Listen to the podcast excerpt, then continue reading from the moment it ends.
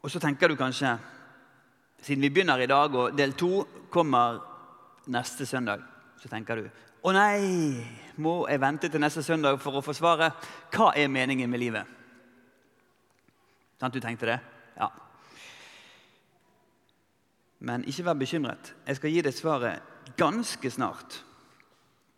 Men ville det ikke være verdt å vente bare én uke på å få svaret på det spørsmålet? Det ville det jo vært.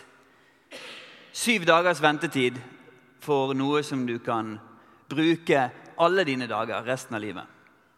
Så det hadde ikke vært så ille å vente syv dager sånn i den store sammenhengen. Da er ikke en uke så lenge.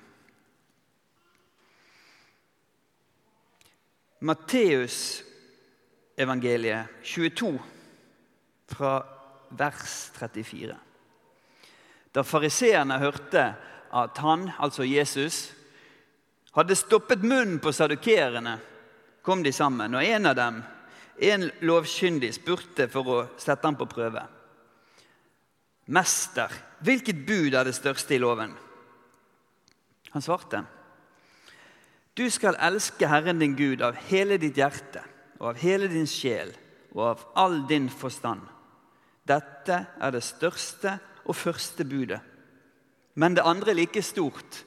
Du skal elske det neste som deg selv.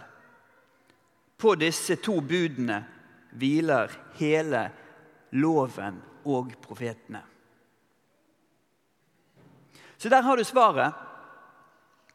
Du skal elske Gud, og du skal elske din neste som deg selv. Meningen med livet, kort oppsummert i én setning. Du skal elske Herren din Gud og din neste som deg selv.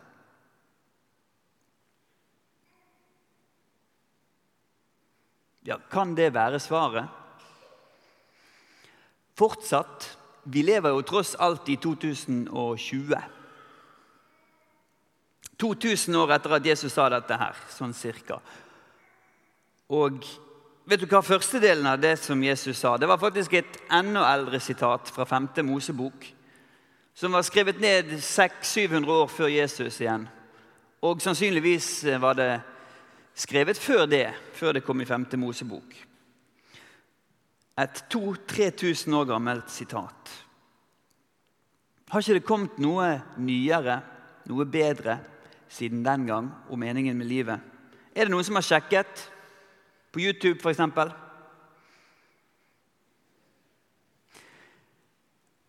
Jeg er storforbruker av YouTube. Jeg har eh, en hel rekke kanaler og personer som jeg følger med på. Og eh, det finnes mye interessant og godt å følge med på. Så hvis jeg skal rydde kjøkkenet, eller jeg skal legge sammen klesvasken for å legge på plass i skapet, eller et eller annet husarbeid, så pleier jeg å finne fram YouTube, og så finner jeg en rekke med videoer som jeg har lyst til å få med meg. Jeg har mine favoritter. Det er nyheter, det er diskusjoner og analyser. Og så er det komikere. Masse komikere. Og eh, det er favorittene til husarbeidet. Helst videoer der jeg ikke trenger å se på, men bare kan høre på. Det pleier jeg å velge. Og vet du hva? Det er nesten som noe som heter radio. Bare at nå er det jeg som bestemmer, det er ikke NRK som bestemmer hva som kommer. Og Så kommer det hele tiden nytt innhold på YouTube. Det går aldri tomt. Har du noen gang gått tom? Nei, vet du hvor mye nytt innhold som kommer på YouTube hvert minutt. Tolv dagers innhold. Nytt innhold hvert minutt. Det er ganske mye. Det betyr at du ikke klarer å følge med på alt. Og Så prøvde jeg å finne ut hvor mye innhold er det totalt på YouTube. Det er ganske mye. Jeg fant bare noen gamle tall som er utdatert for lenge siden. Der sto det at det var 49 milliarder eh, minutter med innhold. Ja Tolv dager med innhold hvert minutt. Vet du at i april 2005 så var det ingenting på YouTube? Tenk på det. Og så, 23. april, så ble det lagt ut en enkelt video, den aller første. Den er 18 18 sekunder lang og har tittelen 'Me at the Zoo'. Og Der er det en fyr, Jawed Karim, som sier ok, folkens, nå er vi her i uh, dyrehagen. Og foran oss så ser vi uh, elefantene, og de er kule.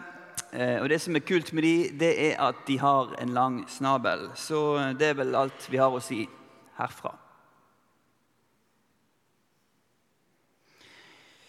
Ja. I april 2005 så kunne du se alle videoene på YouTube på noen minutter. Og det var ikke så mye å se. Hvis du går litt lenger tilbake i tid, august 1991, så fantes det én nettside i verden. Ett nettsted. Det var laget av den britiske forskeren Tim Berners-Lee. Han jobbet som forsker på CERN i Sveits, i Genéve. Han var fysiker. CERN er den europeiske organisasjonen for kjernefysisk forskning. Og De hadde verdens første nettsted i august 91. Og så I 93 så bestemte de seg for at dette skal være fritt for alle. Så på slutten av 1993 så fantes det 623 nettsteder på verdensbasis. Mye tungt og akademisk innhold, men du kunne fortsatt rekke over det meste hvis du prøvde. Nå finnes det bortimot 1,3 milliarder nettsteder. Så omtrent seks mennesker per nettsted. Det fins så mye informasjon der ute.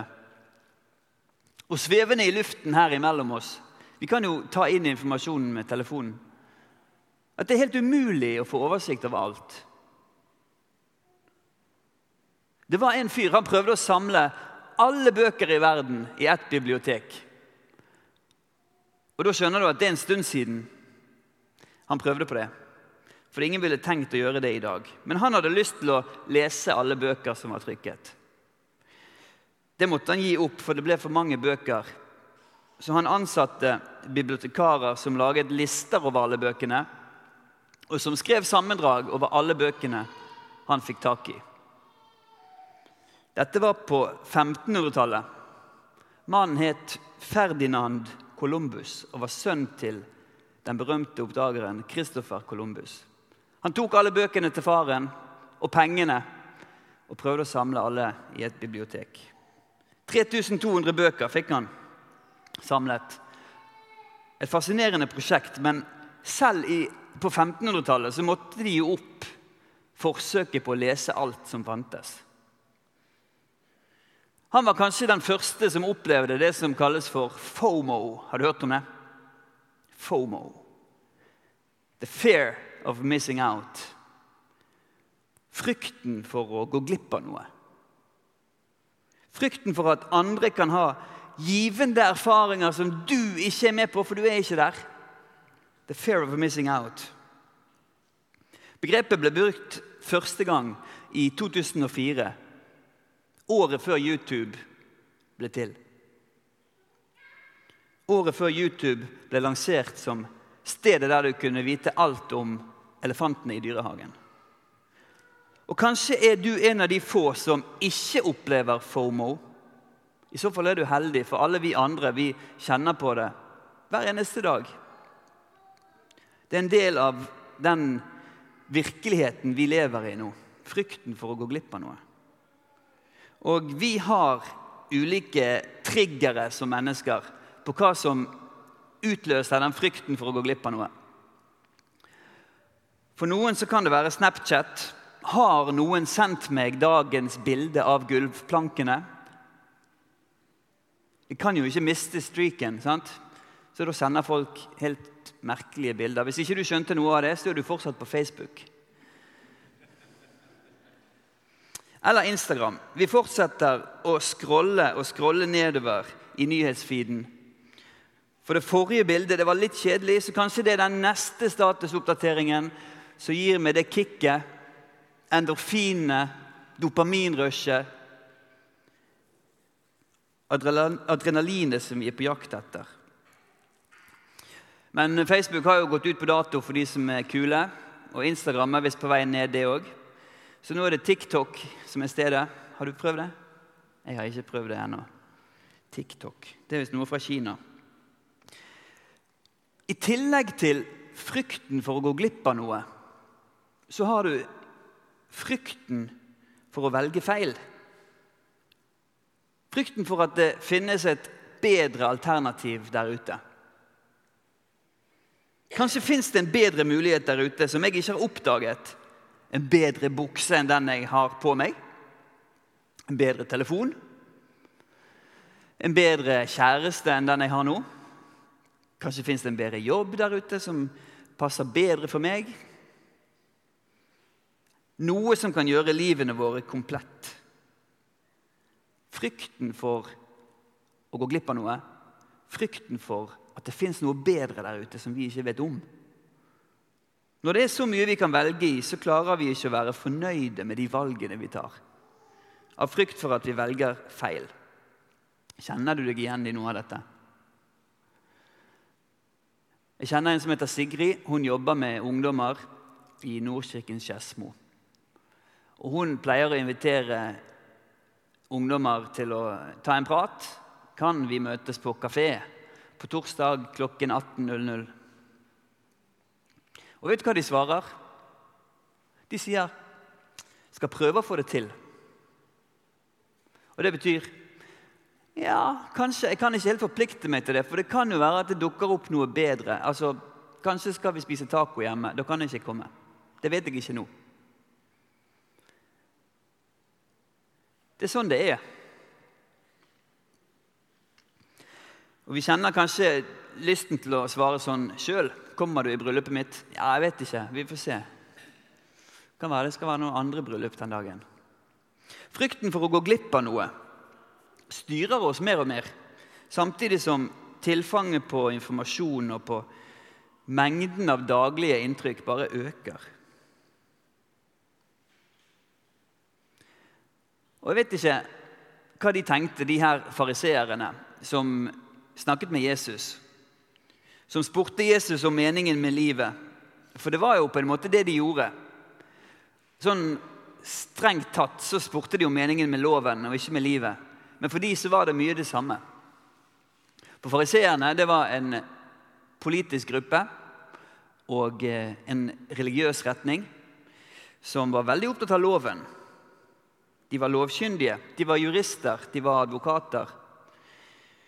De var eksperter på loven som folket hadde fått overlevert av Moses. Hva som sto i Moseloven, og hvordan det skulle tolkes.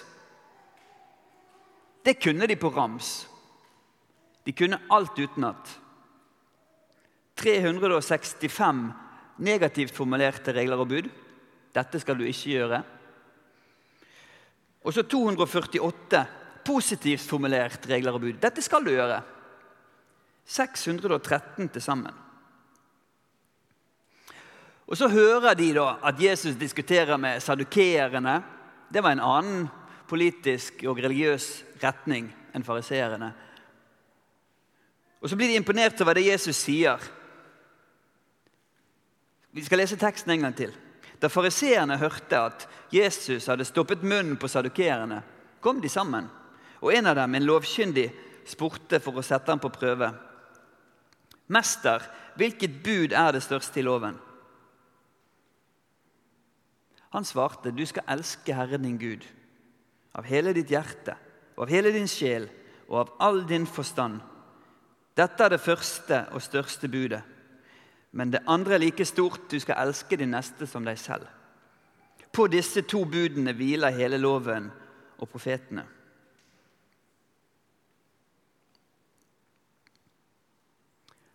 La du merke til at Jesus han svarte nesten som en politiker? Fordi at De spurte om én ting. Hva er det største budet? Og så svarte han mye mer enn de hadde bedt om svar på. For Først så sier han jo, det første budet det er dette. Du skal elske din Gud av hele ditt hjerte og av hele din sjel og av hele ditt sinn. Det er et direkte sitat fra 5. Mosebok. De nikket sikkert anerkjennende. Ja da, godt svar. Bra svart. Så sier Jesus dette er det første og det største budet. Ja, flott. Så fortsetter han, men et annet er like stort. Og så legger han til noe som ikke står i loven, som ingen har sagt før, men som han sier for første gang. Dette er like stort. Du skal elske din neste som deg selv. Altså, Hvilken autoritet er det Jesus tar i denne samtalen?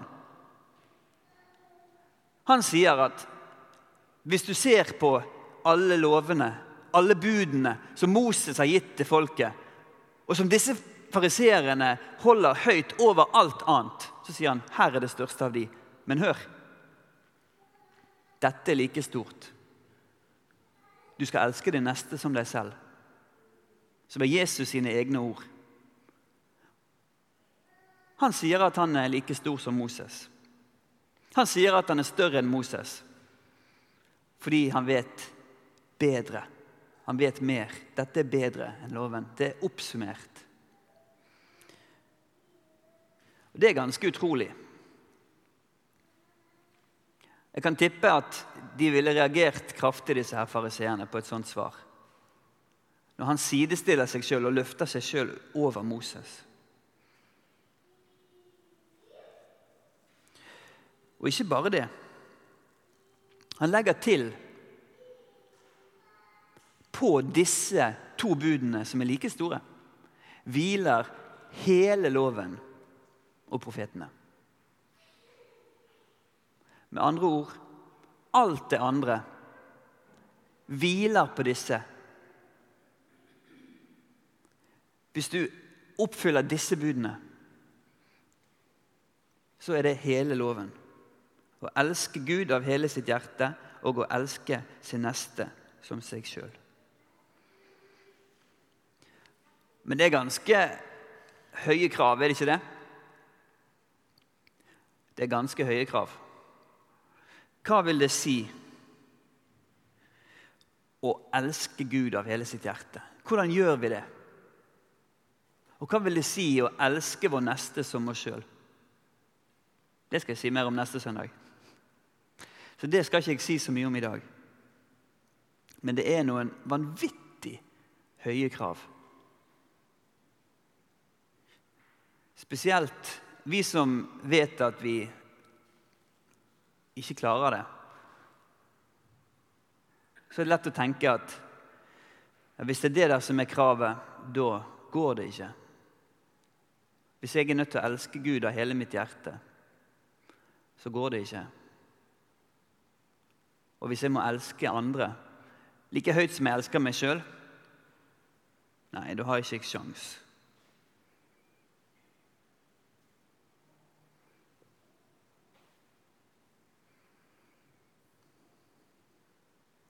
Jeg tror Jesus vil at vi skal tenke det. Jeg tror han vil at vi skal bli nesten lamslått av, av kravene i disse budene. Hvor viktige de er. For det er de første og største budene. Jesus sa noe som ligner i en litt annen sammenheng. I bergpreken da sier Jesus noe som vi oppsummerer som den gylne regel. Alt dere vil at andre skal gjøre mot dere, skal også dere gjøre mot dem. For dette er loven og profetene. Alt dere vil at andre skal gjøre mot dere, det skal også dere gjøre mot dem, for dette er loven og profetene. Og Hvis vi leser det sitatet i den sammenhengen som det ble sagt, så finner vi en nøkkel til hvordan vi kan prøve å elske Gud med vårt hjerte. Hvordan vi kan prøve å elske vår neste som oss sjøl. For det sitatet om at det du vil at andre skal gjøre mot deg, det skal du gjøre mot de. Det er lett å ta det ut av bibelteksten. Og så kan vi skrive det på Instagram eller Facebook eller TikTok. Jeg vet ikke hvordan det funker. Og Så kan vi sende det ut til folk, og så kan alle være enige om at dette er en god etisk leveregel. Det du vil at andre skal gjøre mot deg, det skal du gjøre mot de. Alle kan nikke til det. Samme hvilken religion de tilhører, samme hvilket land de kommer fra, hvilken kultur de er vokst opp i. Og så kan det få noen til å si, som Rolf talte litt om forrige søndag, at Jesus han var en stor morallærer. Han kom med god etikk som vi kan følge. Men det holder. Vi trenger ikke å si at Jesus var noe mer enn en stor morallærer. Det holder. Og så skal vi prøve å leve etter hans leveregel. Det du vil at andre skal gjøre mot deg, det skal du gjøre mot de. Men hva er det Jesus har sagt rett før han sier dette? Like før han sier at vi skal være gode mot andre.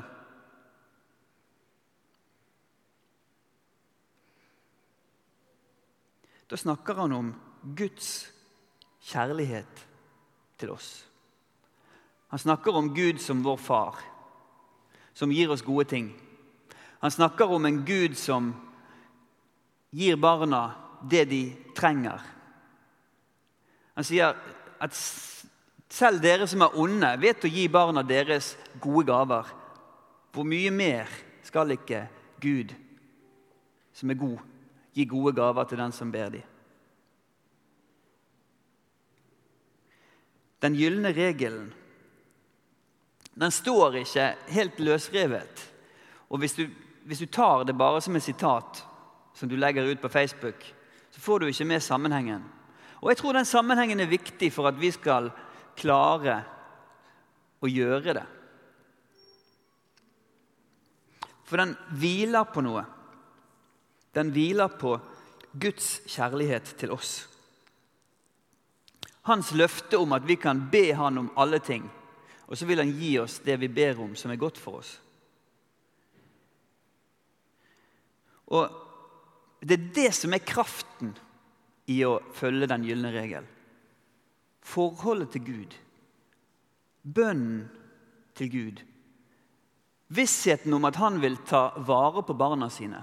Det er kraften i den gylne regel. Du kan ikke ha den gylne regel uten det. Og du kan ikke gjøre Jesus til en god morallærer og etikklærer. For da tar du ikke hele sitatet hans. Du tar du han ikke på alvor.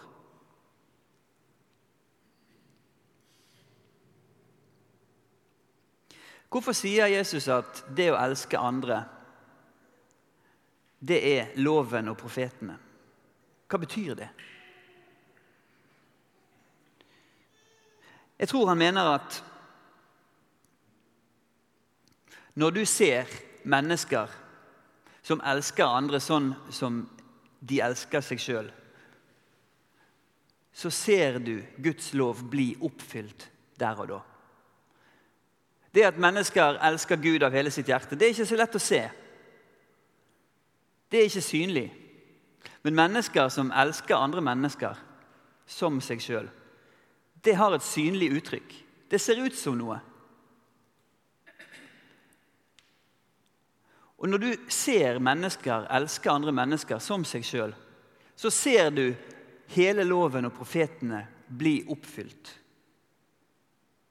På dette hviler loven og profetene.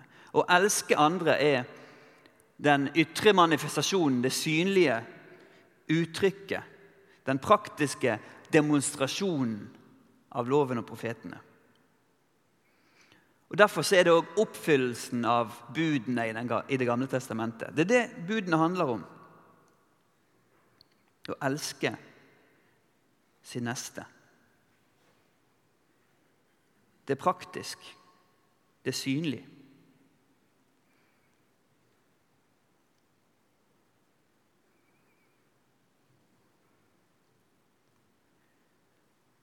Og jeg tror det er viktig for oss i dag å forstå sammenhengen mellom den gylne regel og det som kommer før. At vi er ikke kalt til å elske Gud av hele vårt hjerte uten at Han har elsket oss først. Vi er ikke kalt til å elske vår neste som oss sjøl uten at Gud har elsket oss først. Det er på grunn av hans kjærlighet til oss at vi kan elske Han tilbake. At vi kan elske oss sjøl, og at vi kan elske andre. Bare på grunn av Hans kjærlighet. Vi skal be sammen. Kjære gode Gud, kjære gode Far. Takk for at du har elsket oss først.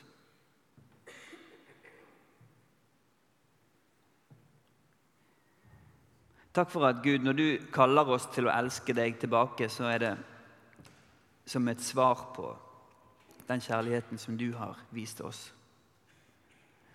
Takk, Gud, for at når du sier at vi skal elske oss sjøl, så er det som et svar på den kjærligheten som du har vist oss. Gud, du elsker oss så mye høyere enn vi kan fatte.